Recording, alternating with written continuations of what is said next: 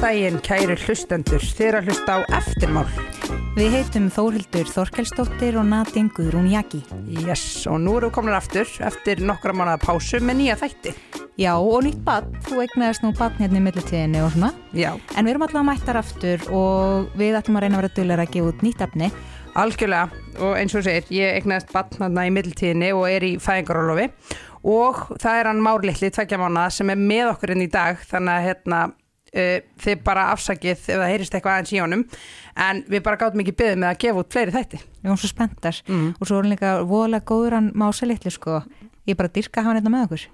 Æjá, en nú erum mættir aftur til leiks og ég vil rétt koma inn á bara hvað við erum alltaf ja, þakkláttar og hissa. Hvaða eru margir að hlusta? Já, við erum svona smáfarnar að hljóma eins og eins og einhver svona bilu plata en við erum svo ótrúlega gladar með þetta og líka bara þó við séum ekki að gefa út þætti þá erum við alltaf að sjá að fólk er jáft og þjátt að hlusta á þættina mm -hmm. og jáfnvel að hlusta á því einni beit mm -hmm. og við erum ótrúlega gladar með þetta og nýjustu tölur, svo við sem að flexa þeim hérna, það voru þannig hljóðandi að það eru hátt í 40.000 manns búin að hlusta á hvert þátt að meðaltali mm -hmm. Það er svakalega gaman og bara takk fyrir að hlusta En þið þekkið þetta, í eftirmálum fjöllum við um stór fréttamál. Af því að við erum algjörir fréttanördar mm -hmm. og við reynum að krifja þessi mál og pæla þetta í þeim og rifja upp gamlar fréttir. Mm -hmm. Og svo reynum við að tala um fólk sem tengist málinu á eitthvað nátt. Já, við gerum það. Og í dag ætlum við að gera nákvæmlega það. Við fengum Anþór Karlsson til að koma til okkur hérna í stúdióið og við rættum við hann um mál sem að var mikið til umfjöllunar á sínum tíma þegar honum og Berki Birgisinni var árið 2012 gefið að sög að hafa ráðist á samfangasinn Sigurð Hólm Sigursson með þeim afleggingum að hann ljast.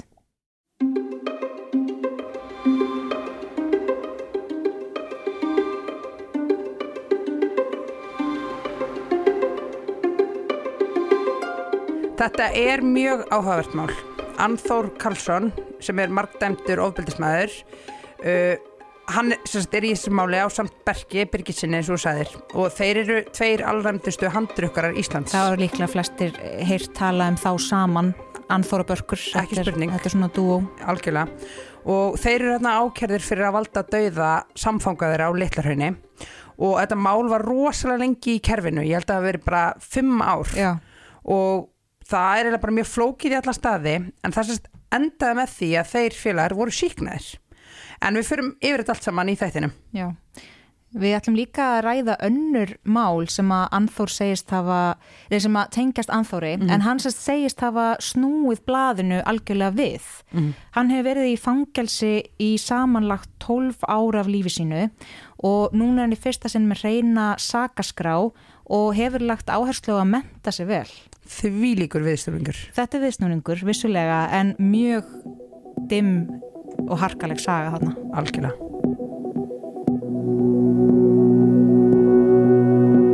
Ég er ofbeldismæður búin að vera dæmdur fyrir marga líkasarhúsir var bara alltaf að slást og var bara að drekka, dópa og slást. Það var svolítið bara minn lífstíl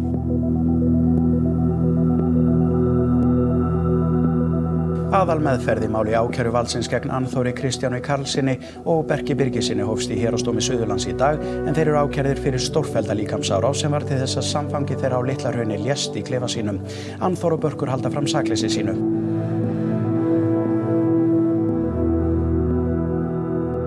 En það að við hefum einhvern veginn getað náð að koma með eitthvað draugahögg á þetta milda án þess að sæjist, ég bara veit ekki hvernig það ætti að vera hægt sko allavega mínu upplifin svo bara það var verið að refsa mér endalaust fyrir eitthvað sem ég gerði ekki. Anþóra Börkur hafi verið síknaður af ákjærum að hafi með stólfellri líkamsára svo er þið valdir að dauða samfanga þeirra.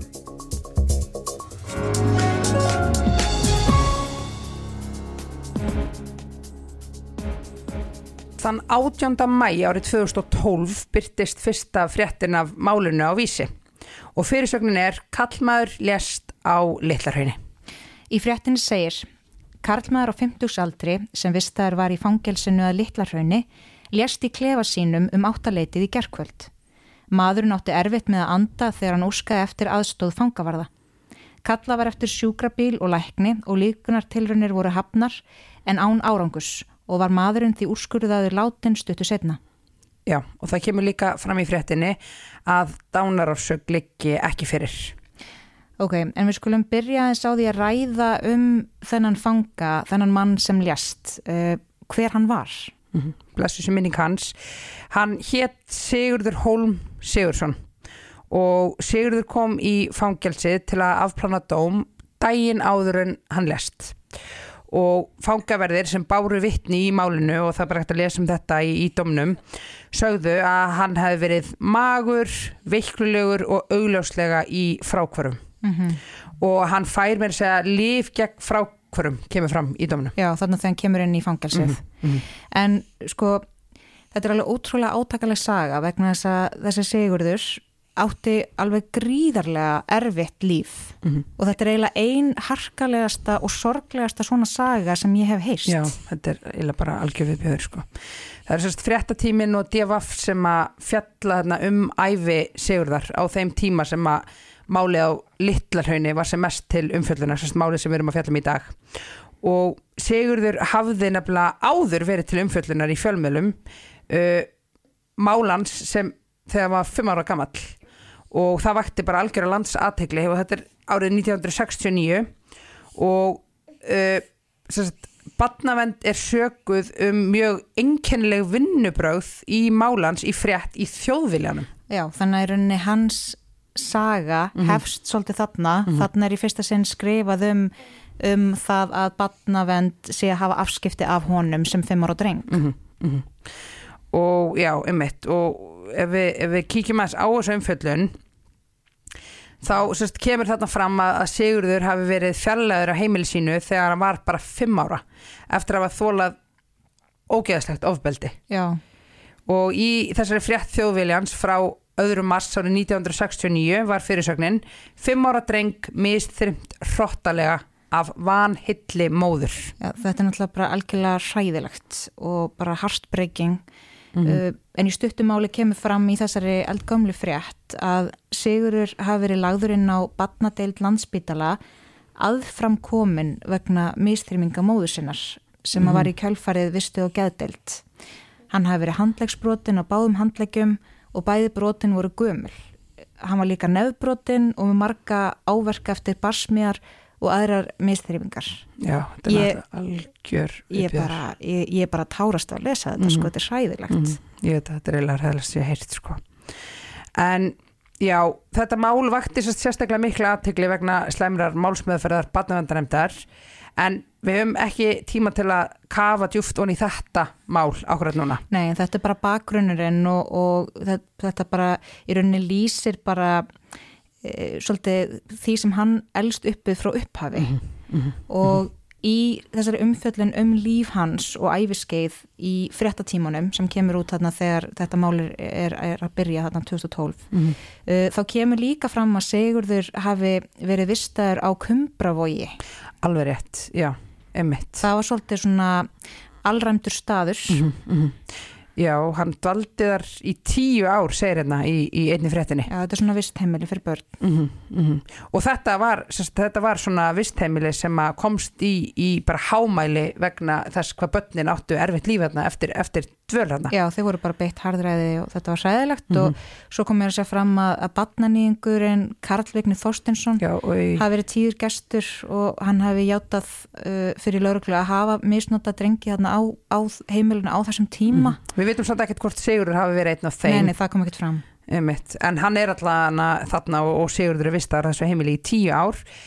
En sérst, Sigurður uh, hafði fengið tíu fangelsistóma þegar hann lest og hafði samanlagt verið dæmdur til 26 ára fangelsisvistar. Áfrekars stuttri æfi. Mm -hmm. Hann var hvað var hann um færstugt þegar hann dó. Mm -hmm. Mm -hmm. Þetta er alveg ótrúlega tölur sko. En ef við tökum þetta saman þá í rauninni bara er, er þráðurinn sá Sigurður þarna á mjög erfiða esku á mjög erfitt líf bara mhm. frá upphafi mm -hmm. og hann leiðist þarna út á braut uh, og verður síbrótamaður mm -hmm. fær ítrekkað fangelsistóma mm -hmm. en meða við þannan bakgrunn þá leiður mann eins og hann hafi bara aldrei átt séns Algjörlega, algjörlega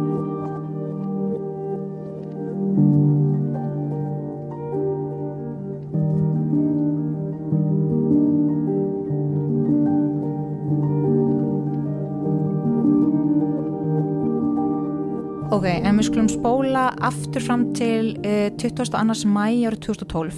Þetta er fjórum dögum eftir að fyrsta fréttin byrtist á vísum að Karlmaður hafi látist á Littlarhraunni.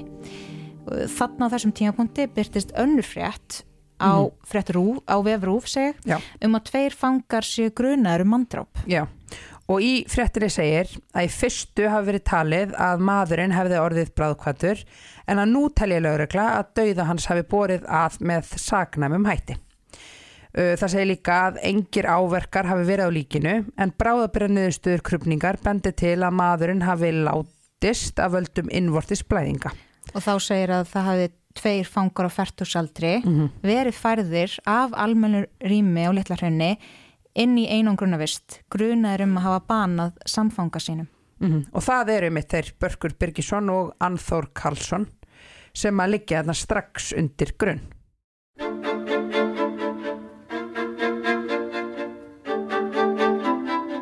Já, komið sælar. Anþór Kristján Karlsson heiti ég og er fyrirvændi glefumar en í dag er ég með BS í byggingafræði, ég er húsmeðmestari, ég er með svensprófi í múrara og málara og byggingastjórnreitindi. Ég er svona í öllu mögulegu en við kemur húsbyggingar í dag.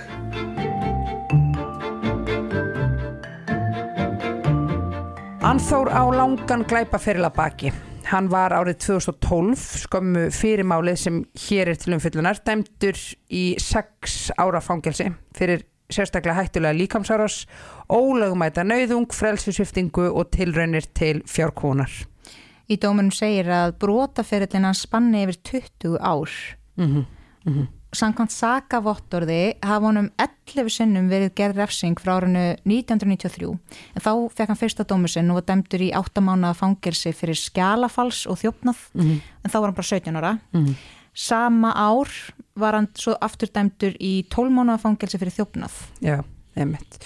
Og á næsta árum braut Anþór ítrekkað af sér og það var síðast í apríl árið 2005 sem hæstiréttur dæmdi Anþór til 30 ára fangelsisvistar fyrir líkamsarós. Fjórum árum síðar var hann dæmdur aftur í fangelsi í fjögur ár fyrir stólfælt fíknefnilega brott og þá hefur Anþór þrísvar rofið skilárstóma og þrísvar sinnum rofið reynslulaust.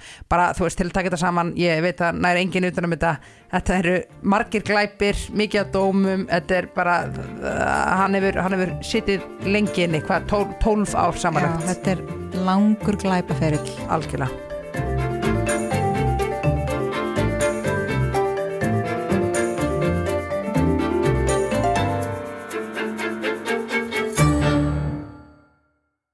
Byrjum kannski bara á þessum degi þar, þegar Sigurður deyr, Já. eru þið strax, mannstu eftir þessu? Eru þið strax... Ég man ekki hvort þið daginn eftir bara eða tveimundum setna, ég man það nú ekki alveg. Ok, Þá erum við komin sérst, í gæslu varðhald. Mhm. Inn í fangelsinu samt. Já, já, þú veist komin í gæslu varðhald og því næst er okkur sleft úr gæslu varðhaldi til þess að það væri þetta hler okkur. Í rauninni það var svona strategían greinilega hjá þeim að það var sérst, við vorum settið tveir saman á gang og það var sett endalust að hleruna búnaði á þeirra gang til að hlusta okkur. vissuðu það eða grunaði eitthvað það? Uh, nei, Nei, eftir á bara, eftir á bara. já, já, bara eftir að það er alltaf bara okkur í tilkynnt að setna meir Já, og, og sem er líka forvitilegt sko að svo að til dæmis taugögg, þau hverfa öll, sérst, allar þessar upptökur, mm. þau hverfa og okkur er tilkynnt það að það hafi ekkert verið í þessu gögnum. Mhm. En þau hverfa samt. Já, þau hverfa að því við vildum fá að vísa í þau að því við vissum bara, við vorum að tala saman bara við hvern annan þar sem við erum bara, kjáftað er þetta, hvað er að reyna, veist, hvað ruggla er þetta og þú veist, þar sem við erum að tala um það hvað e, okkur finnst þetta að vera mikið ruggla við séum bara í þessari stöðu út af þessu máli einmitt. en við gáttum aldrei fengið að sína fram á það því að þessi hurfi bara Og það er skýringar sem þið fenguð. já, Og lögumæður ykkar. Já, að það bara þetta væri ekki lengur til og hérna, það hefði ekki verið neitt í þessu gögnum sem skipti máli Já, þau, hafi bara Fyrir- verið geimt í einhvern x tíma og svo bara eitt eða eitthvað svo leiðis. Já, það var ekkert í þeim til sakfellingar. Já, En það var eitthvað í þeim fyrir ykkur. Já, Já. og við vissum það. Já. ok, en ef við bökkum aðeins, þá er hérna fangi á Littlarhaunni í andnauð eitt kvöldi í mæ þegar óskað er eftir aðstóð fangavara. Og sjúkraliðar og læknar eru kallaði til en endur lífgenu tilrænir báru ekki árangur. Nokkrum dögum setna liggja svo Anþór og Börkur undir grun en þeir hefðu sérst fara inn í klefa til Sigurðar og voru þar í einhvern tíma daginn sem hann lést sem er strax mjög grunnsamlegt. grunnsalegt, já. Það er mjög grunnsamlegt að þið hafi verið inn í klefunum hjá honum þarna rétt áður en að þetta gerist, rétt áður en hann deyr. Þú lítur að muna hvað þið voruð að ræða eða hvað gekk á í klefunum en þetta gerist. Já, við erum bara að ræða um það að hann hafi verið að koma hann inn, eh, þú veist, búin að vera í þvílika rugglinu, hann var búin að vera í einangrun, sem sagt held ég í tvo daga, búin að vera að borða alveg heilan helling og þú veist, þetta verður svona til svona tjitt-tjatt bara Af því þið hafið oft sitt inni með honum áður og þið, þið þekktu hann. Já Þú veist, En ég- manstu hvað, manstu hvað það var sem var bara, heyri, ég ætla aðeins að fara hérna inn í klefa til hann sigga? Mm, Nei, Nei, það var bara svona hverstaslegt. já, ég bara, ég var að ljúga þér að ég myndi reyna að segja þér það, þú veist, þetta var 2011 Já, Einmitt, og ég svona man þetta ekki nei. En var eitthvað í hans fari sem að svona, þú veist, fannst þér hann eitthvað veiklulegur eða var eitthvað það var... leit skelvel út Já. ég langar ekkert að tala eitthvað illa um hann en eitt svo leið, Nei, hann nei. bara leit ekki, hann leit ekki vel út Nei, einmitt. og hérna hann hafði svo sem litið illa út áður þegar hann hafði komið inn og ja- jafnað sér bara og plöma sér vel og orðið bara, bara mjög fýtt sko. Mhm, þannig að og svo er það náttúrulega kannski ákveðin áreinsla bara á kerfið að koma inn og svo bara rúaðið mat og ekki búin að vera að borða heil lengi. Mhm. ég veit ekki hvað veldur hérna dauða fólk sem er ekki, upp, ekki að upplýsa það Sko það er sérst óumdilt í málinu að þeir fóru inn í klefa segurðar þar sem þeir sjást fara inn á upptökum úr eftirlitsmyndavelum úr fangilsinu og þeir sjást líka í samskiptum á gangi fangilsins, var það ekki? Mm -hmm. í eldúsinu, með minni það, hafi staðið í dómnum en það voru engar upptökur til af því hvað fer fram á millera inn í klefanum af því það eru náttúrulega engar myndavelar inn í, í fangaklöfum á lillarinni. Nei, mitt. En í framhaldinu af þessu eru Anþór og Börkur vistaðir tveir saman á svo kallum öryggisgangi og þar eru þeir í langan tíma. Mm því rannsókn lauruglu á því hvað leiti til dauða sigurðar tók rúmt ár en það var á mjög umfangsmikil. Já, þeir eru sérst á þessum gangi í eitt og halvt ár. Já, bara tveir. Já. Já. og það var líka erfitt að fá matsmenn í málinu og það er ekki fyrir enn 30. mæ 2013 og það er sko notabenni næstu í fjórum árum eftir að Sigurður deyr sem það er gefin út ákæra á hendur þeim Anþóri og Berki og málið svo þingfest skömmu síðar. Já, og þingfestingin vakti mjög mikla aðtegli en það komu félagarnir, tvímenningarnir í dómshúsið á Selfossi í fyllt sérsveitar ríkislörglustjóra. Já, þetta var svolítið klikkað við skulum heyra brot úr fréttum þennan dag Lögregla var við öllu búinn þegar komið var með Anþór og Börk í hérastum Suðurlands á Selfossi í dag eins og jafnan þegar tvíminningarnir eiga í hlut. Átta lögreglumenn stóðu vörð við húsið og sérsveitarmenn sáu um að leiða þá úr lögreglubílunum og inn. Það gekk ekki þrautalust með Börk. Hann sagðist ekki geta gengið og var borin inn á milli tvekja lögreglufjóna. Getum við ekki að fara við lækni í dag? Dómari svaraði kalli Barkar um læknistjónustu og bóðaði sjúkrabíl á staðin sem flutti hann síðan aftur á Littlarhraun að þingfestingu lokinni. Hann var fluttur þarna í jafnum með þessu á og uh, það liggur fyrir og lág fyrir að hann er sjúklingur. Hann er með mjög mikið brjóskloss á háustí og það ber þar að lenda meðhöndlan sem slíkan og það jafnum hann að baki og bera svona inn. Það náttúrulega eigur líkurnar á því að, að verkir séu miklir og, og mikil áþján og það var það sem þið sáuð. Á eftirbergi var Anþór færður fyrir dómaran sem gekk öllu betur. Anþór og Börgur afplána nú sjö og sex ára fangilsistóma sem þeir fengu í desemberilok fyrir hróttafengnar líkamsárásir. Í þetta sinn eru þeir ákjærðir fyrir að það var ráðist á Sigurð Holm Sigurdsson í fangaklefa hans og litla hrunni í mæ í fyrra með þeim afleiðingum að milta hans ropnaði og hann lést skömmu síðar.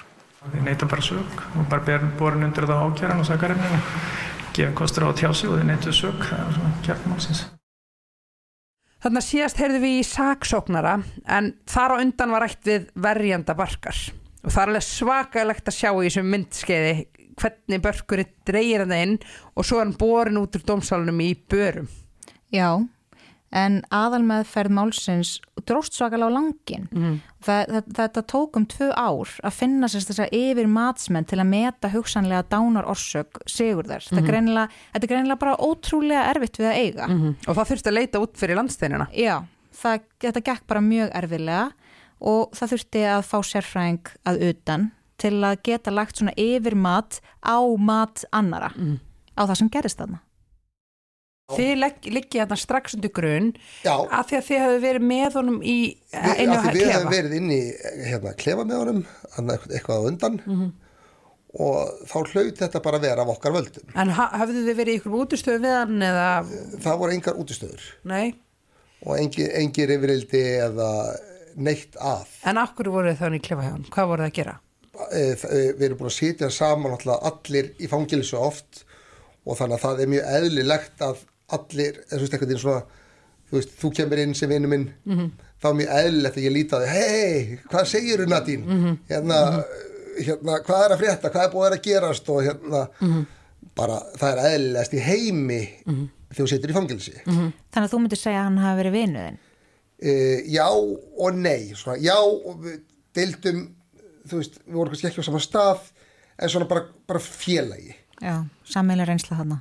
já, En já, hann, hann, átti, hann átti mjög erfitt þessi, þessi maður, er það ekki? jú, jú, jú, Og var búin að eiga mjög erfið æsku og erfitt líf. jú, mjög svo og við náttúrulega vissum bara við gerðum honum ekki neitt og börðum hann ekki, veist, það voru engir áverkar heldur á Það voru engir, ég man, ég man á þe þeim tíma sem ég var að fjalla um þetta mál, þá Já. var, það, þá var það svona aðal, aðal vörnin og, og bara svona það sem hann fann skrýtnast í þessu máli, það voru engir ávarkar á Já, manninum að, af því við vitum það bara ef að þú lemur mig hérna í öxlum þá verður ég strax rauður. Mm, Ég, maður myndi allan að, að halda það en ég, ég þekki það svo sem ekki. en svo þannig að við ákveðum að reyna að fá reyna að fá yfirmat á þetta og Mhm. þá þurfum að bara leita út fyrir landsteinina og þá voru fengnar einhverja svona kanónur í réttaminafræði heiminum Sko, málatilbúnaður ákjærvaldsins byggði sérst á því að Anþóra Börkur hafi veist að sigurði í klefans með þeim afleggingum að mildaðans hafi rofnað og við það hafi hann hlotið innvortis blæðingar sem leitu til döðans. Já, það er þarna þýskur réttamennafræðingur sem að framkvæmdi krupninguna á Sigurði og fyrir dómi sagði hún að líklegast hefði þetta verið dánarósökin. Akkurat, akkurat. Og yfirmatsmenn eru þarna fengnir til að gera yfirmat á krupninguna eins og Anþór kom inn á og við erum svo búin að koma inn á áður. En þeir voru ekki sammála og töldu með annars líklegt að mistök í krupningu hefðu getað útskýrt þetta, þetta rofa á mildanu. Ok, áhugavert. Og yfirmatsmenn tala líka um að blóð sem fannst í kviðarhóli Sigurðar hafi verið tilkomið vegna endurlífgunatilruna og milda hefði jafnvel rofna við þær. Við endur líkana tilraunirnar. Já. Ok, en þýski réttamennafræðingurinn sem gerði upphaflegu krupninguna taldi þetta útilokað. Mm. Stannig við komum með eitthvað svona píramíta af sérfræðingum Já. sem er ekki sammálum hlutina. Nei, nei, þannig að bara, einmitt, sá fyrsti sem stréttamæri fræðingurinn telur að þeir hafi geta valdið þetta með högg, valdið þessu með höggi, svo kemur yfirmatið sem að segir, nei, þetta getur alveg verið endurlífgjörna tilraunir eða þetta getur jafnvel hafa gæst við krupningu. það virðist vera að það verði bara til ein stefna í þessu máli. Og það er það að sagt uh, reyna að sakfella okkur fyrir þetta.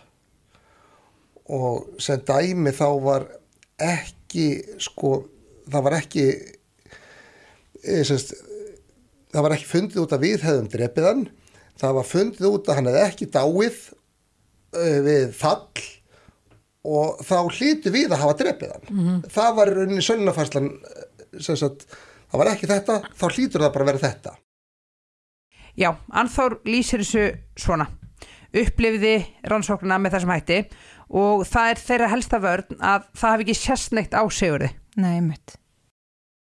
en það að við hefum einhvern veginn getað náð að koma með eitthvað draugahögg á þetta milda án þess að sæjist ég bara veit ekki hvernig það ætti að vera hægt sko Þú viðkennir fullt af ég, hef- aldrei það- náð það- að berja eitthvað og það hef ekki sérst á hann eftir það En þetta er sem sagt alveg svona svaka svaka rannsókn. Þetta er alveg ótrúlega umfangsmikil og nánast fordamalaus rannsókn á svona máli á, hér á landi. Algjörlega og löggan let mér þess að gera sko nákvæma eftirlíkingu af fangaklefa Sigurðar þar sem að mögulega atbyrður á svar sviðsett.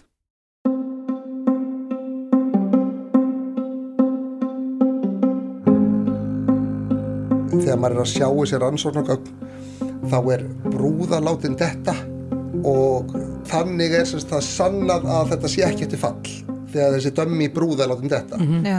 Það sem var gert, það var náttúrulega búin til eftirlíking af klefunum og það var reynd að leika þetta eftir til þess að fá einhverja skýringar. Já, en ég veit það bara ef að ég dett eða þið dettið við myndum detta hundra sinnum um sama plankan ég vissum það að við myndum aldrei lenda eins bara sem manneskjur en sem dúkka er náttúrulega auðvelt að veist, ég get ímyndum að hún detti bara á ákveðin hátt. En ef að maður dettur þá dettur hún á mjög mismunandi hátt og ég segi hundra mismunandi leiðir yfir með að detta hundra sinnum.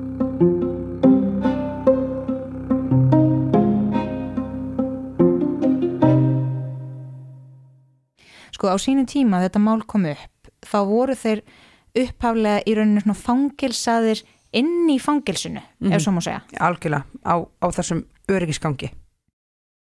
þá erum við komin sérst í gæslu varðhald Inn í fangilsinu samt. já, já eða, veist, ein, Þeir eru sestir á gang, sérstakann settir- einangrun á gang já, tveir saman á gangi og, og eru þar hvað lengi? eitt og hálft ár og svo, þetta er svona smá forvitilegur vinkill að ef við hefðu verið grunar um það að drepa fórseta Íslands sem er svona æðsti maður þjóðarinnar að manni finnst svona, svona eitthvað svona sem að væri verst að drepa ég er ekki að segja hann sé betri manneskja eða verri manneskja eða En það væri svolítið svakalegt að drepa hann. Já, já, við erum saman um það. En hérna sagt, ef, ef við hefðum verið grunaður um það, þá hefðum við farið í gæsluvarald þar í einhver, einhverja vikur og meðan það er rannsakað. Og svo færum við meðal annar að fanga en að því að e, meint fórnalamb hefur samfélagsstöðu sem fangi þá var ekki forsvarlegt að vist okkur með öðrum föngum e, mitt mat er alltaf það að það er bara að vera að reyna að beita okkur þvingunar úrræðum og svona, ef að segja pyntingum sem að eru kannski ekki pyntingar en það er verið að reyna að þvinga fram eitthvað skonar Játningu. Já eða eitthvað að, að, að láta okkur finna fyrir því. Og ég með sko Páll Vinkel fyrir ekkert lengt með það hann segir bara í sjónvarsveitali að þe- þe- þetta verður tekið mjög hart á þessu. Og þá hart á hverju að við séum grunar um þetta greinilega. Og hérna Já, þið hefði aldrei farið á hann einangrunargang ef þið hefði drepið fórsetan eða einhvern, einhvern annan þjóðfélagsþegn en að því að þið eru því- grunar um að hafa drepið fanga þá eru þið settir á þennan einangrunargang að því að Já, ef- það er talið í rauninni óforsvaranlegt gagvart öðrum föngum að þið séu vistaði með þeim. Já, en ef við hefum drepið, verið grunar um að hafa drepið vestfring sem að er örfendur og með glerhúu, þá hefum við samt verið vistaðir með öðrum vestfringum, öðrum með glerhúu og öðrum sem eru örfendir. Mm. Þannig að bara því að e, meint fórnalamb hefur þessa samfélagsstöðu fangi, þá ber að taka öðru í sig á því innan kerfisins, sem er mjög galið, er- að mínum mati. Þetta er eitt og hálft ár, þetta er mjög langu tími. Já. að á sko einangrunargangi ef þú lýsið því kannski aðeins fyrir okkur hvað þýðir það því að fyrir mér sko ef þú ert í fangelsi þá ertu bara okkur um einangrunargangi hver er munurinn? eh, í sem sagt, ef þú ert almennu fangi en ekki þarna þá getur þú stunda vinnu þú átt félagslíf með öðrum föngum og allt það sem er að gerast, það er bara fótbolti það er liftingar það, veist, það eru skákmót og það er bara hýtt og þetta sem að menn gera þú veist, innan veggja fangelsisins. Og nema, þannig erum við bara settir í það að bara vera tveir saman í eitt og hálft ár. Íslenska ríkinu þótti ekki neitt að þessu og þetta væri bara mjög eðlilegt greinilega. Því að við fyrir svo í skadabótumál setna og ég hérna tapa því bæði í héræði og í manni hvort var landsréttur að hæstiréttur akkurat þegar það var þá hvort að landsréttur var komin eða ekki Sömu sögur að segja því þegar þetta mál fór fyrir mannréttindadómstól Evrópu, þar sem Anþór tapaði málinu sömu leðis. Mm Akkurat. En þetta var sem sagt eitt og hálft ár á þessum gangi Já. og sem að hljóðar auðvitað ansi svakalega eitt og hálft ári í einangrun og þessi þáttur hefur verið fyrirferðarvestur í gaggrinni Anþórs og lögmann hans á framferði yfirvalda Já. Mín upplifin svo bara það var verið að refsa mér endalaust fyrir einhvern sem ég gerði ekki.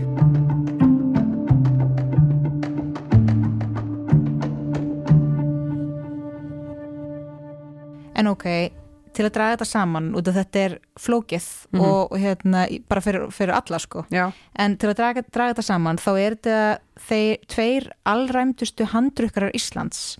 Þeir eru ákærðir fyrir að valda dauða samfanga síns. Dómararnir í málinu þurft að skera úr um uh, hvort þeir hefði gengið í skrokk á manninum eða hvort þeir hafi einfaldlega verið rángir menn á raungum stað á raungum tíma. Algjörlega. Og þá gerist þetta Anþór Kristján Karlsson og Börkur Birgisson hafa verið síknaðir af ákjærum að hafa með stórfældri líkamsárás orði valdir að dauða samfanga þeirra. Saksóknari hafi farið fram á 12 ára fangelsi við þeim en Íslenska ríki þarf að greiða allan málsvarnarkostna sem nefnur rúmum 30 miljónum króna. Vá, málsvartakostnaður upp á 30 miljónir ég man ekki eftir að sé svona á að Nei, þetta er rosalegt Já, þetta er rosa mikið, enda bara máli búið að vera kerfur allan tíma Já, við skulum heyra meira úr fréttinni Tæplega fjögur ár eru síðan Sigurur Holm Sigursson fannst látin í klefa sínum á Litlahrauni. Myndbandsupptökur síndu Anþór og Börk farin í klefa hans skömmu áður. Dánar orsökin var innvortis blæðingar vegna rofins milta. Ákjæruvaldi taldi áverkana til komna vegna líkams árásar Anþórs og Barkar. Þeir hafa hins vegar ávallt neita sög. Fjölskipaður hérastómu Suðurlands komst að þeirri niðurstöðu í dag að síkna skildi Anþór og Börk þar sem mikill var viljeki á sekt þeirra. Engin vittni voru að dauða Sigurðar og sömulegist haldi dómurinn ekki útilokað að einhver annar hefði getað veitt Sigurði áverka sem leittu til dauða hans. Þessi niðursta gati ekki ára öðruvísi. Rannsókn málsins var mjög aflitt og öll gögn bentu til þess að síkna gæti ekki, að gæti ekki neitt komið til greinanlega en síkna eins og við erum upplegað núna. Við fullu samræmi við það eins og ég átti vona á. En aðrandi málsins var samt þannig að það hefði aldrei átt að vera gefin út af ákjara. Það er ekki spurning. Þetta var uh, í raun og veru eina niðurstaðan sem kom til greina. Það sem að við göngum út frá því að menn verða ekki sagfældi nema að séu sönnugagn í málum.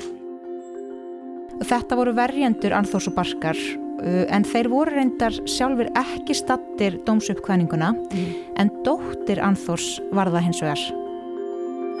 Já, mjög glöð. Ég vissi þetta samt allan tíman. Það kemur ekkert óvart. Hvernig vissur þetta? Af því pappi minn er engin morðingi. Það myndi ekki gera svona held ég. Og ætlar að fara að beinta og heimsækja pappa? Uh, já, náttúrulega auðvitað leið og ég má það. Leið og ég get farið. Heimsó til hans. En nú að bara njóta páskana og fagna. Já, ég týtur alveg. Ok, þannig fjórum árum eftir að Sigurður lést eru þeir síknaðir í héræði Já. Í dómi hérastóms kom fram að það væri mikill vafi sem leki á því hvort af Anþór og Börkur hefðu orðið Sigurði að bana eh, og vegna þess að vafin er svona mikill þá var ekkit annað hægt en að síkna þá. mm -hmm. og það segir líka í dóminum að það er sé ekki hægt að útiloka þann möguleika að aðrir hefði geta veitt Sigurði áverkan eða hann hefði orsakast af falli Þetta er náttúrulega ótrúlega sérstakt mál Mhm, og í dómnum er bent á að annar fangi hafi verið inn í klefa Sigurðar og undan Berkju Anþóri Mhm.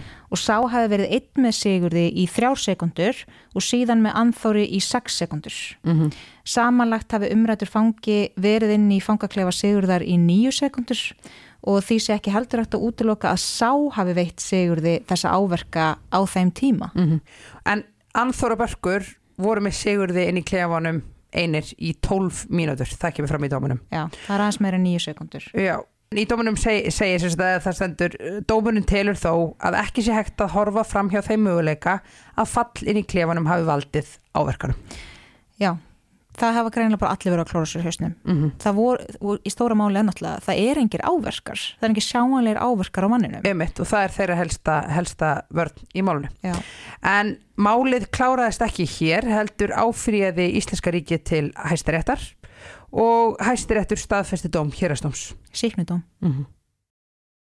Hvaða áhrif hafði þetta mál á þig, þessi fimm ára af, af þessu máli? Ég veit ekki. Ég því þetta er náttúrulega svolítið kannski alvarlegasta sem þú hefur verið ásakaði fyrir, ég meina þetta er Já, já. vandráp.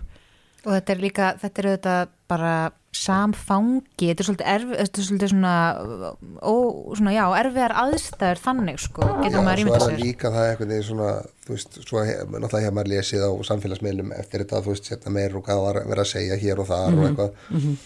og það var svona bara svona já, já, þeir komast upp með þetta þú veist, það er svona það er ekki svo að sé nóg að það sé búið að síkna okkur við erum samt sekir En finnst þér það skrítið? Þá er ég að meina Eh, bara í ljósi, í ljósi alls, sko. já, ég, ég skil hvað þú ert að segja Mhm. en ef við hefum verið dæmdi sekir Mhm. þá hefði engin verið að pæla í því sérst í hinóttuna allir hafi gert þetta Mhm. þá hefði Nei. ábyggja allir hlaupið á lestina og sagt já þeir eru potið sekir Mhm. hugsa ég ég held bara að fólki sé svolítið svona tant að vilja alltaf bara trúa hennu, hennu slæma Mhm. og það er miklu meira spennandi heldur en jafnvel sannleikurinn Einmitt. En sko, þið hljóti líka að velta fyrir hvað gerðist. Hvað kom fyrir Sigurð? ég get ekki sagt til um það óutskýrt döðsföll eru 600.000 ári í bandaríkjanum árið 2011 eða 12 eða hvernig þetta var þarna sem við vorum í dómúta af þessu og hvað kemur fyrir þegar einhver deyr óvænt?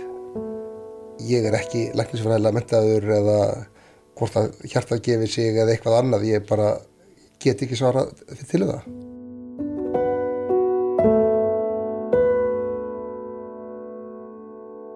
En eins og við tölum aðeins um í upphafi á Anþór mjög langan glæpaferil að baki. Já, þetta eru eins og við sögum á hann 12 ár samanlagt í fangelsi og alls konar hræðileg ofbeldisbrot sem að bara er ekki stakt að sigur húða með neinum hætti Nei, nei, nei. eða réttlæta. Þetta, er, þetta eru hræðilegir glæpir. Mhm. Þetta eru mörg, mörg ár sem þú ert annarkvort í fangelsi eða þá á leiðin inn í fangelsi aftur. Já. Uh, þetta eru alvarlega líkamsára sér, þetta eru fíknefna brotið það ekki, Jú, einflutningur innflutningur. Svona, það fyrsta allan sem mig langar að vita er bara hvernig var æskan þín? Veist, hvernig, hvernig leiðist maður, hvernig fer maður á þessa braut? ég tel að hérna ég er unni fekk allt ég var átekraður, enga bætt móðu minnar fekk allt sem ég vildi fekk, það var aldrei það var ekkert sem ég alltaf mátt ekki og alveg saman hvað ég gerði að mér það var alltaf að vera að skama mig Mm. og hérna og ég hugsa að það sé ekkert, ekkert gott veganesti í framtíðina Nei, örglega ekki. maður þarf, maður þarf aðhald Já. og ég kannski, ég fekk það ekki og hérna, ég veit ekkert hvort að ég var bara svona í grunninn eða þú veist hvort að þetta gerði það eða hvernig það er ég, Mhm. en svona endaði ég Já. Og hvenar ferðu svona leiðast á, á röngu brautina? Ekki- ekki- mjög ungur Já, þetta er mjög snemma. Já.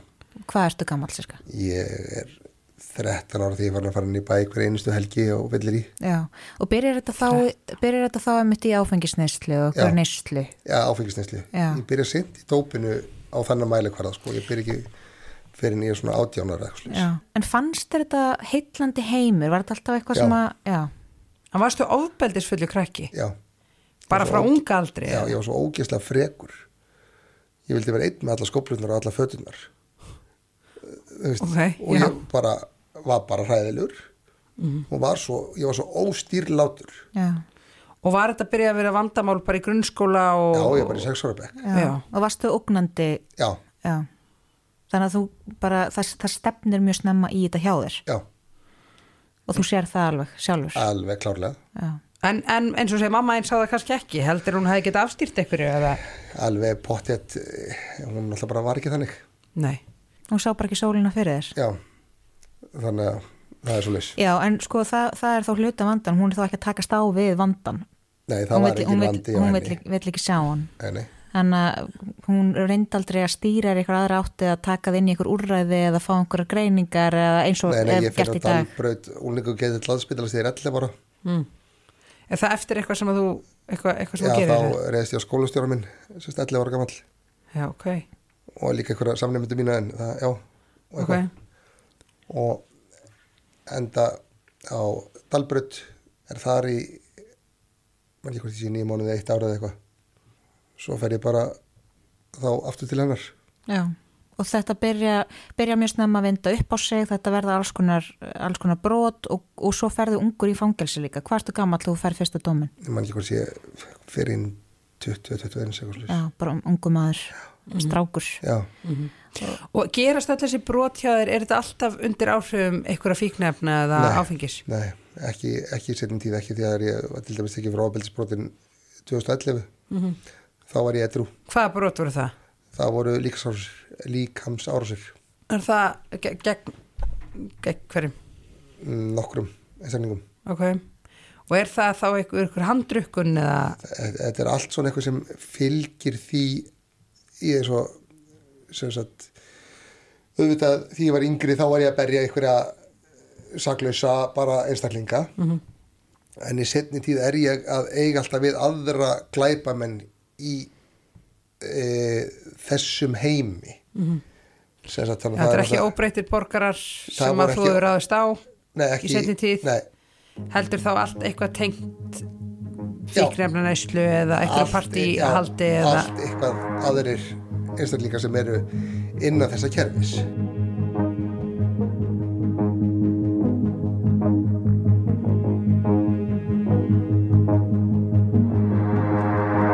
Anþór hlaut 6 eða 7 ára dóm árið 2011 fyrir sérstaklega hættulega líkamsárásir.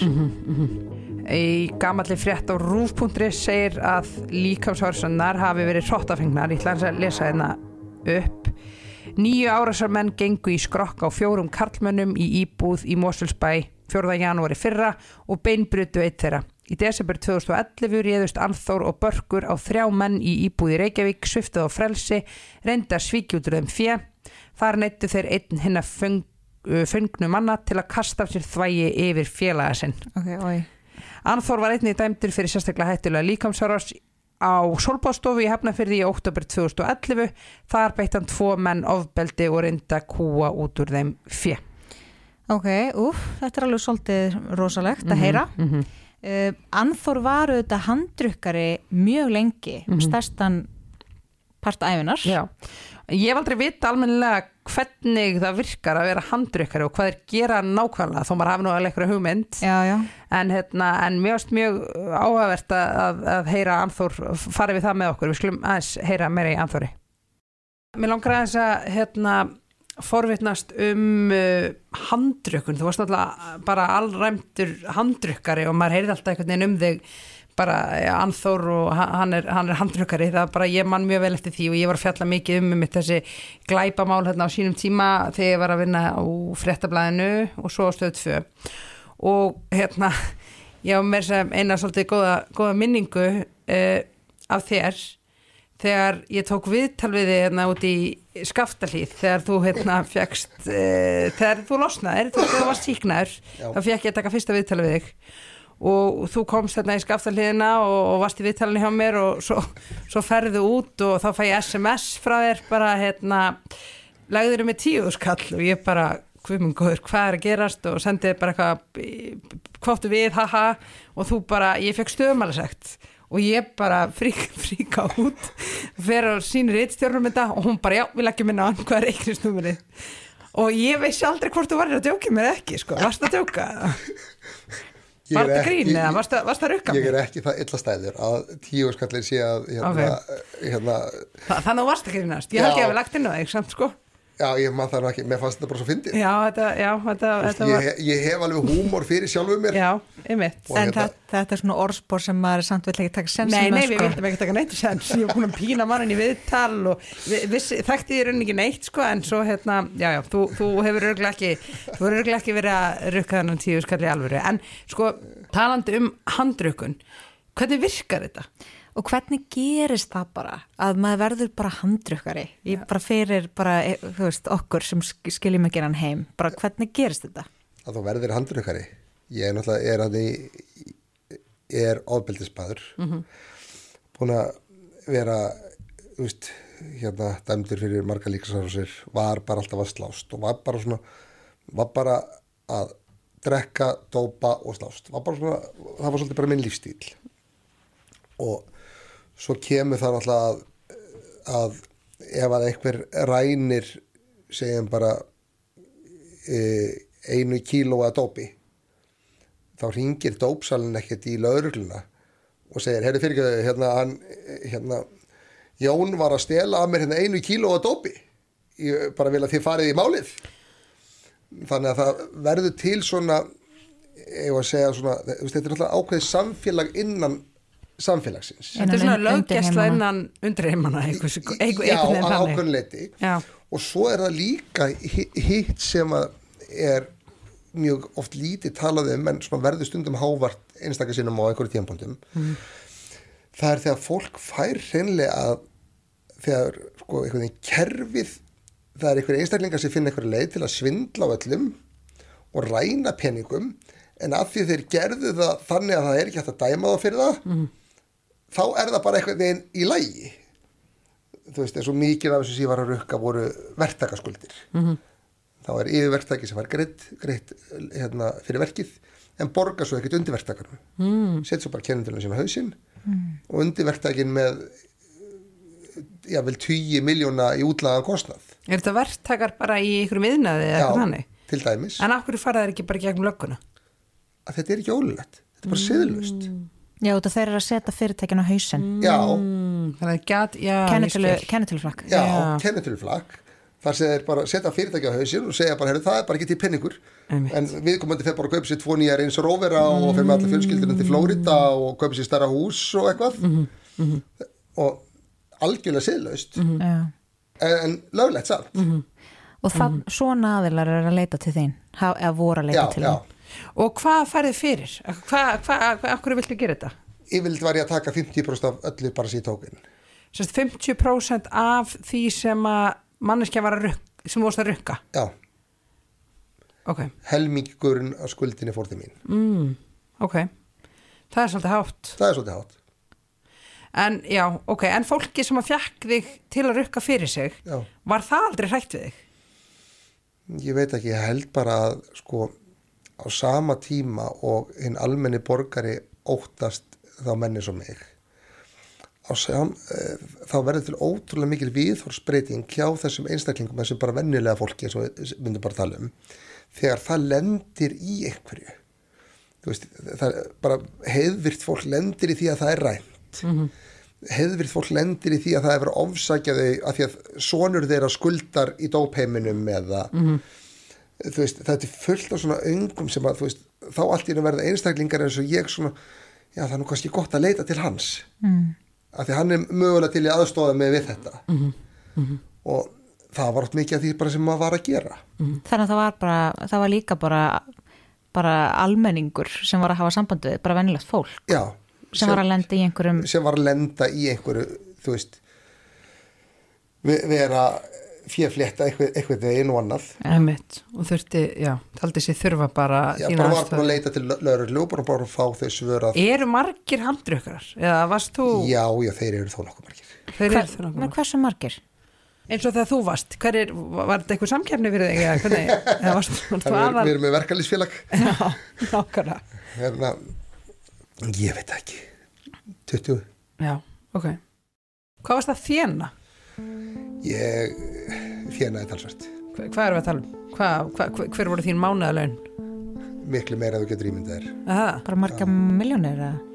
ég þjenaði greiðalega og hvað áttu ykkur eignir út frá því í dag eða hvernig, hvað var hvað varðum allar peningana? easy come, easy go já, þetta er svolítið þannig er það, ekki, svolítið- það er bara svolítið þannig já, já, bara græ, það, það verður til einhvern þú sópar í peningum en þú líka bara í Eyðir ruglun og eigðum alveg eins og anskotin já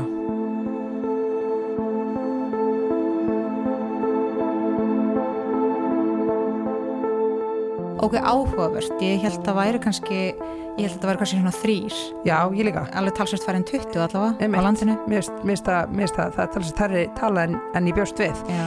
en Segir kannski alveg sitt um hvað maður er ekki vel inn í þessum heimi? Nei, en mér finnst líka áhugavert að þeir fái 50% af því sem að rukka þér. Já, það er náttúrulega út af því að að fólk telur þetta vera bara glatað fyrir Mm -hmm.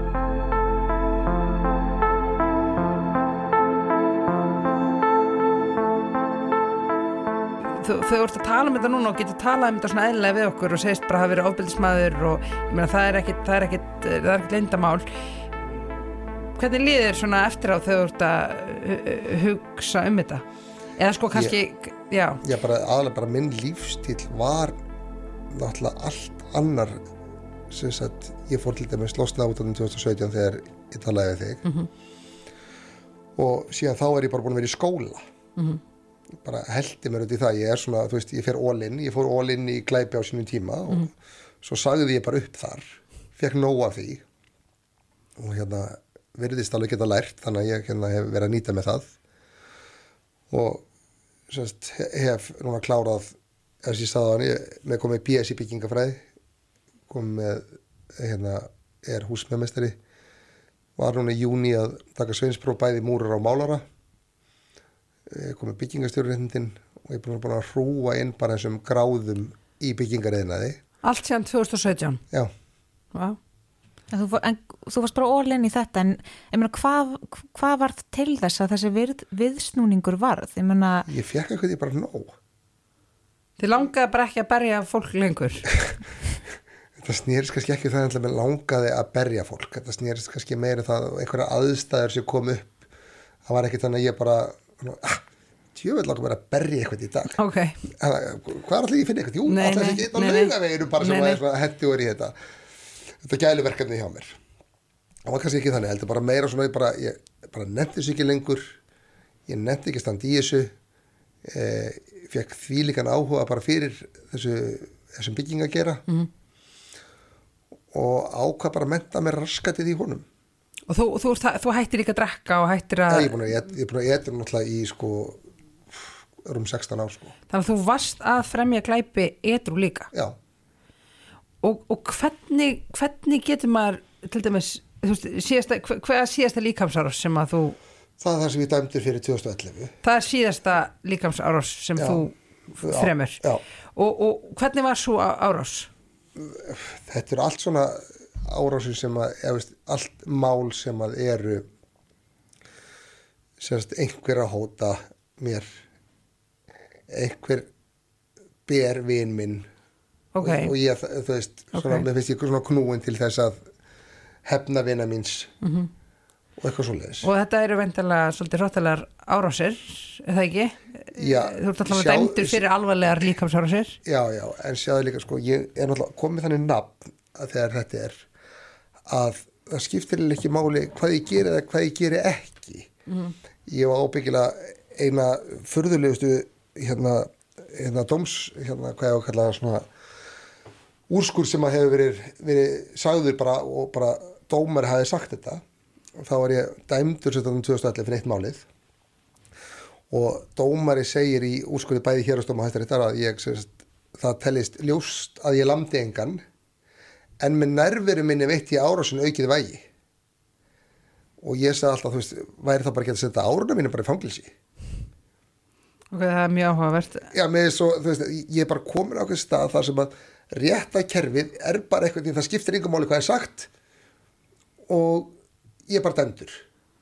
Já, eins og, eins og þarna, þú veist, að það skulle verið hægt að segja, þú veist, það telst sannað að ég gerði ekki neitt en með nervinu minni veitt ég árusinu ekki vægi og þar leðandi er ég segur það er mjög áhugavert. Eitt sem að ég er svolítið forröðin um, Anþór og Börkur, þeir eru bara svona, þeir eru alltaf nefndir í sömu ja, við, andrá, við erum með svo mikið kennitölu eða líka við sko.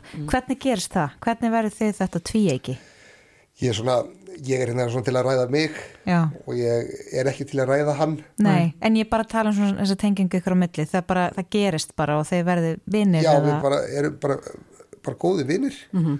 og einhvern veginn verðum við, fáum við svona sömu kennitöluna bara hérna veriðist vera og verðum eitthvað bara þannig að já, eh, verðum eitt Þeir verði bara teimi. já, bara við gengum í hjólabandi eða eitthvað sem við vissum ekki af Já. það var meira svona fjölmila hjó, hjólaband Mhm.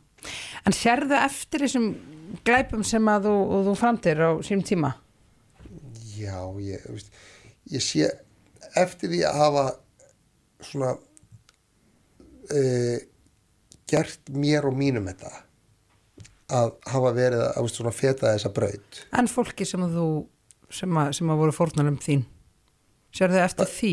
ég, ég sé eftir því þegar mér langar ekkert að vera einhvern veginn vondur í dag. Ég sé, ég sé eftir því.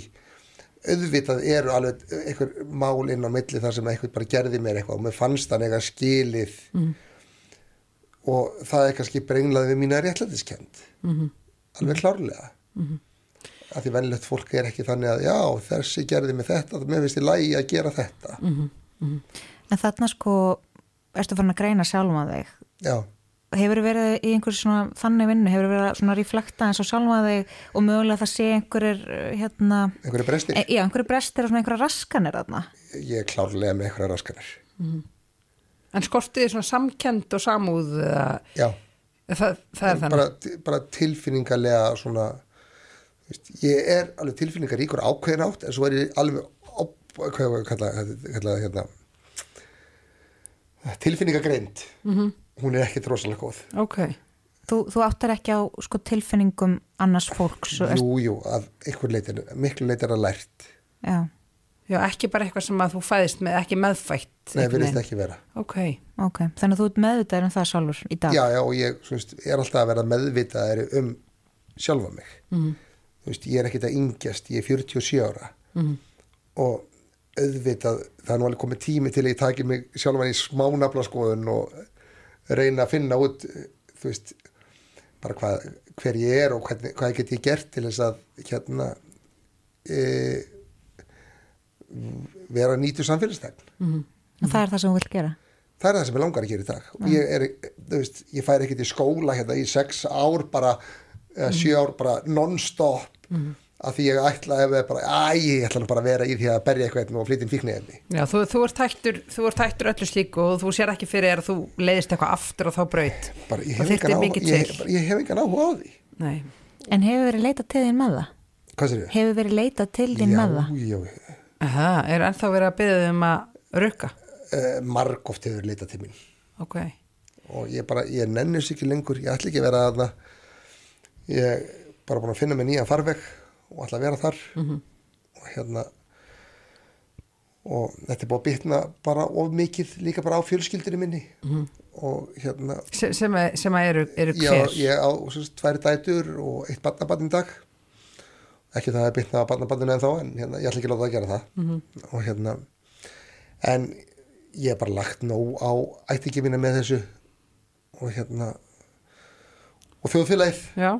Þannig er nú eitthvað samkend komin í þig, heyri ég. Já, Allan að gagvar tæktingjanum já, já, og ég bara það er bara komið tími til að gera eitthvað annað. Mhm. ég hef alveg haust til að læra. Mhm. og á alveg svona tiltölu auðvelt með það. Mhm. og hérna og það var bara um að gera fyrir maður að nota það Mhm. og bara ég hef einhvern veginn, ég hef líka bara svona gaman að þessum byggingabransa Mhm. og svona já, Mhm. þeim vinkli En eins og með sakaskrá og það getur verið mjög erfitt um þetta svona komast í alls konar störf og svona ef maður er með svona mikla sög á bakinu. Hvernig ert þú að tekla það? Herðu, ég er með reyna sagaskrá, þakka ég fyrir Í fyrsta sinn bara heil lengi eða í hvað? fyrsta sinn bara frá því ég er bara, ég veit ekki 15 ára eða eitthvað. Hvernig fá mann hreina sakskrá? það er þannig að ég, það eru meira en 5 ár síðan ég losnaði alveg út úr kerfinu og þá fæ ég reyna sagaskrá Og þú, þú stefnir á að halda því þannig? ég, bara, ég nenni ekki öðru. Nei. Þetta er bara lífi, góðu lífi svona. Mér finnst einfallleikin orðin góður þegar maður vildi ekki einfallleikan hérna áður fyrr. Og þú veist, er ég ekki bara eldast og njóta þess að eldast? Mhm. ég held að sé svolítið svo leiðis Mér finnst Anþór alveg samfærandi Ég hef alveg trú á honum. Já, ég veit ekki alveg hvað ég að segja. veist, hvað þarf mikið til að rugga bátnum eða hvað sko en, en auðvitað vonum að bara það besta fyrir fólk Já, að sjálfsög algjörlega Við getum alveg sagt að hann, hann er á freka góðum stað í dag. Já, já, já, meða við, meða við hans sögu. Já, bara flott hjá honum. Hver er staðan á þér í dag? Hvað er þetta að vinna og hvernig er svona þínir hægir? ég vinn hjá sjálfum mér og ég er fyrirtæki sem heitir A-fagmenn og er mikið í ástandsskoðunum á eignum. Ok. Og þessa milli er ég að smíða, múra og mála. Já og tel mig bara vera nokkuð góðar í þessu. Og svona eins og kannski nafni mitt er stundum kannski til trafala og maður kannski verður sérlega ekki alltaf var við það þegar einhver myndir segja nei, Anþór, Guð minn almáttur ég get ekki, bara vil ekki sjá þennan mann. Það var sama skapi þá hefur nafni mitt líka svona hjálpað mér að því leiti til að ég skila góðu af mér ég geri vel það sem ég geri og þá finnst fólkið að mun merkilegra heldur en að það hefði bara verið Jón Jónsson sem að skilaði góða af sér, Mhm. af sér. Ertu með fólk í vinnu eða? Já. Marga? Nei, ég er með einn akkurat núna Mhm. en svona oft á tíðum kannski þrjá til fjóra mögulega en ég er náttúrulega bara aðalega búin að vera í skóla og hef ekki verið að reyna að stakka fyrirtækja með hann Mm -hmm. Þú hefur verið svona, já, að sinna verkefni svona í og með þá náminu. Já, til að því ef ég ætlaði að vera stakka fyrirtæki og að vera í skóla þá hefði bara verið að gera tvo hluti ógeðsleitla Mm Ég skil. Þannig að núna er planið að stakka fyrirtækið og... Nú er planið að stakka fyrirtækið Já. og, hérna, og vonandi verður mig bara tekið vel Mér finnst mér áhugast í þessu er að líka hann er búin að vera í glæpum og í undirheimunum allt sitt líf og allt í hennu ákvörun að vera það ekki lengur en allir í kringum hann eru Mhm. ennþá í þessum heimi. Mhm, mhm. Allir vinnur hans og, og eða þú veist það er bara hlýtur að vera fyrst að hann var svona ótrúlega lengi í þessu Það eru ekki hægra sagt en gerst að slíta sig bara út úr þessu. Ég myndi halda það.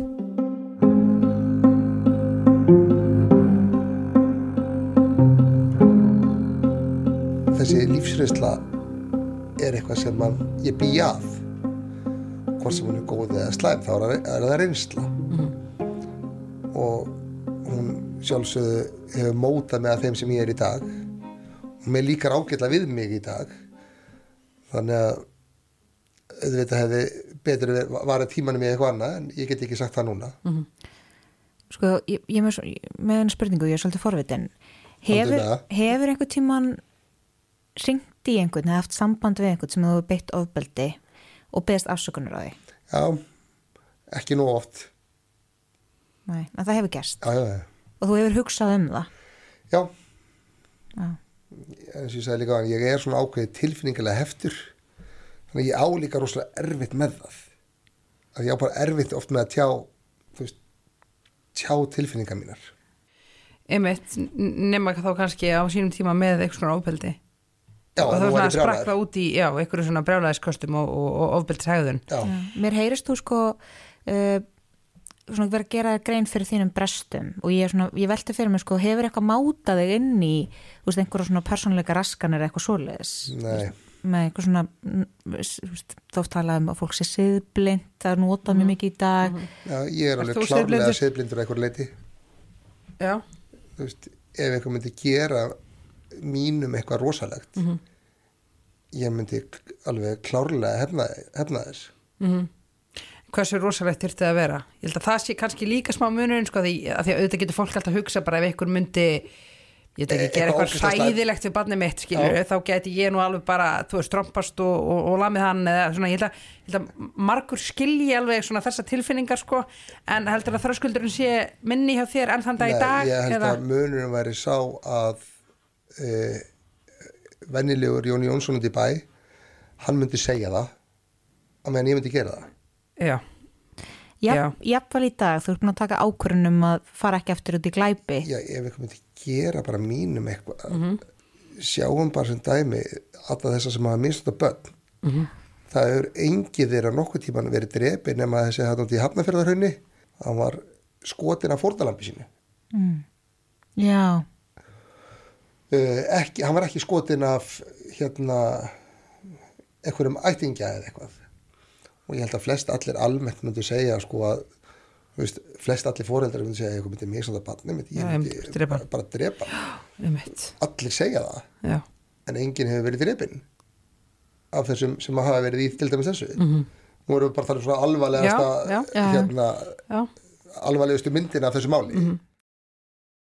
Sko, ég skil alveg smá hvað hann er að fara en mér finnst ekki alveg sambarlegt, ég veit ekki. Nei, nei, auðvitað er það náttúrulega ekki en, en það er auðvitað gott að það sé dæmum einhverja menn sem að snúðublaðinu og Mhm. fari í nám og standi, Auðvitað og þetta er náttúrulega það sem við viljum með fangilsjónum, við viljum að þarna sé betrun og að menn fái annað tækifæri. Algjörlega. Og þurftir þá að losa þig við bara vinnina úr, Nei, ekki með að losa, alls ekki að losa mig við vinnina. eða hætta umgóngst á eða hvernig, Nei, meira svona bara, ég er ekki til í þetta. Og það verður auðvitað svolítið skrítið þegar þú ert búin að vera í einhverju, veist, vera þar að þú ert alltaf svo, til taks í þetta og bara, nei, ég bara geti meður ekki hjálpa þér. En gæti hver sem er bara gert það sem er í, í þessari undirheima stöðu? Eða varst þú með svolítið sérstaka stöðu þarna? kannski ekkit sérstakara heldur en kannski aðrir sem að voru í sviparstöðu og ég, þetta hljóma mjög aðstæðlega en hérna, auðvitað verður til ákveðin virðing, hræðisla og þess áttar þannig að fólk svona hræðist að, að fá síntal frá anþóri Karlssoni fólk hræðist það. Og það var líka ofta sem þurfti bara til að ég ringdi eitthvað og það var bara búið að borga.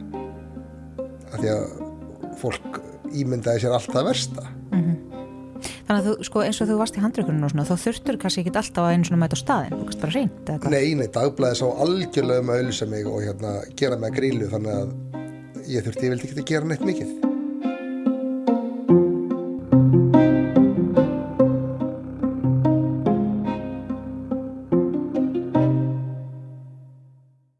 já, þetta er búið að vera sjúklega áhugavert. Já, þetta er búið að vera áhugavert og öðruvísi spjall. Þetta er auðvitað hræðilegt mál og bara hjarta mitt brotnar fyrir Sigur Hólm bara meðan við hans áfalla sögu og, og þessar hræðilegu bensku og það sem hann þurfti að þóla og, og allt þetta. Uh, ótrúlega se- sérstakt líka að fá svona insýn inn í undirheimana sem er auðvitað eitthvað sem við unnum báðar svolítið mikið við að segja frettir af einhverju sem var í gangi en, en þetta er auðvitað öðruvísi, þetta er svona einhvern veginn bein lína inn í, inn í þennan heim. Mm Algjörlega. Og Anþór mjög opinn með þetta allt saman og, og hérna, er, held ég ekkert að skafa af því hvernig þetta er í raun og veru. Nei, nei, og við sögum það líka við hann. Við varum ekkert að fara að skafa því sem hann hefði verið að gera. Nei, alls ekki. og hann setti það ekki fyrir sig. Mhm. þannig að já, úr var þetta viðtal og, og bara það var virkilega áhugavert spjall og við þetta úrskum honum bara allsins besta í, í sínu sínu nýja starfi Mhm. Þú hefur líka verið í nokkrum viðtölum Já, já af hverju ertu að velja að mæta hérna í viðtal og segja ykkur frá þessu öllu? Uh, ég er mjög svona opinn, Mhm. ófeimin. Ég er með aðteglisíki og hérna, þetta var... Var hísmuslust. Það er svona, ég, ég, ég, elska aðtegli og hef alltaf gert og hérna, en það hefur einhvern veginn verið svolítið svona að þegar mér finnst ég vera að hafa eitthvað til málun að leggja þá hef ég svolítið gaman að þessu. Ég skil alveg að þeir sem eru ekki að hafi áhuga á þessu málefnum og auðvitað hef ég líka verið dæmdi mikið fyrir það hver ég er. Og að því ég hef verið að koma og fólki, fólki finnst þetta og finnst þetta og er búin að analæsa þetta og hitt eitthvað. Og bara ég hlíti bara að vera algjört skrimsli og hérna og auðvitað var ég ekkert góði maður. Það er alveg svoleiðis. En einhverja hluta vegna þá er samt allt þetta venjulega fólk með hérna kæsarnappinni sem að sjást ekki í hljóðunum mannum eru semst, hefur samt gaman að hlusta á þetta. Það er, það er forvitið um þetta. Það langar að vita hvernig þessi heimur er, hvernig hlutinni ganga fyrir sig og allt þetta sem er ekki normal. Og ég hef alveg svona gaman að segja bara frá því og segja bara frá því eins og það er Já, það er líka bara mjög eins og segir mjög gaman að hlusta á það, sko. Já, það þið finnst þú bara svo að hafa enga að tapa í rauninni. ég, ég er bara sá sem ég er og ég get ekkert breytt því hver ég er og hvað ég gerði, eins og ég get gert bara breytt því bara hvað ég er að gera núna og ég er að gera bara rosalega góða hluti þótt ég segi sjálfur frá og vona bara að fólk geti tekið mér fyrir það að þú veist, ég sé bara bara að borga þá sekt við samfélagi sem ég skuldaði og nú er ég bara ég er bara að reyna að fá að vera nýtur samfélagstekni í dag